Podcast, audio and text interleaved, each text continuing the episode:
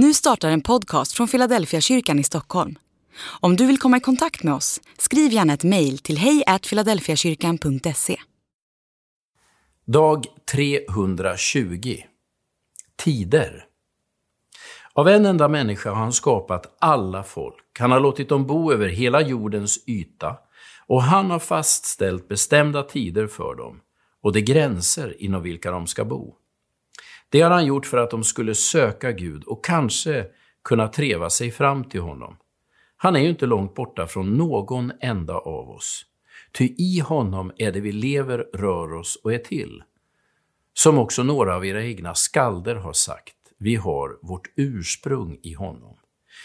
Apostlärningarna kapitel 17, vers 26 till 28. Det är tider och gränser som ger våra liv dess ram.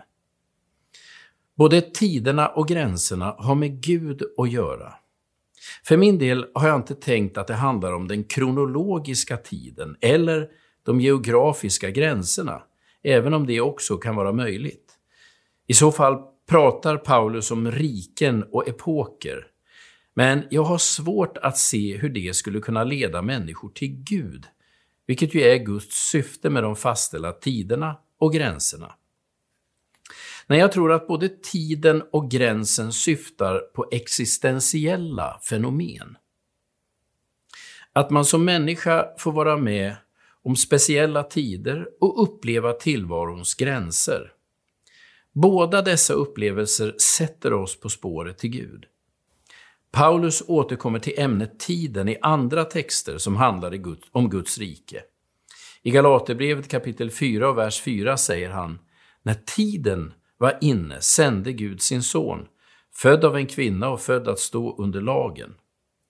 Då han skriver om detta syftar han inte på något särskilt klockslag och inte på en bestämd historisk tidpunkt.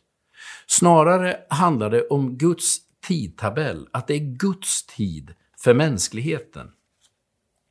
Det är en liknande, liknande tid jag tror Paulus syftar på i sitt tal på Areopagen.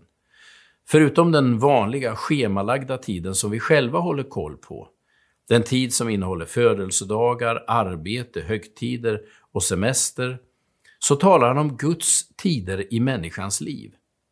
Precis som det var Guds tid för hela mänskligheten när Jesus föddes, så uppfattar jag att Paulus säger att det kommer liknande gudstider i alla människors liv. Tider då vi är sökta av Gud och då vi själva söker Gud.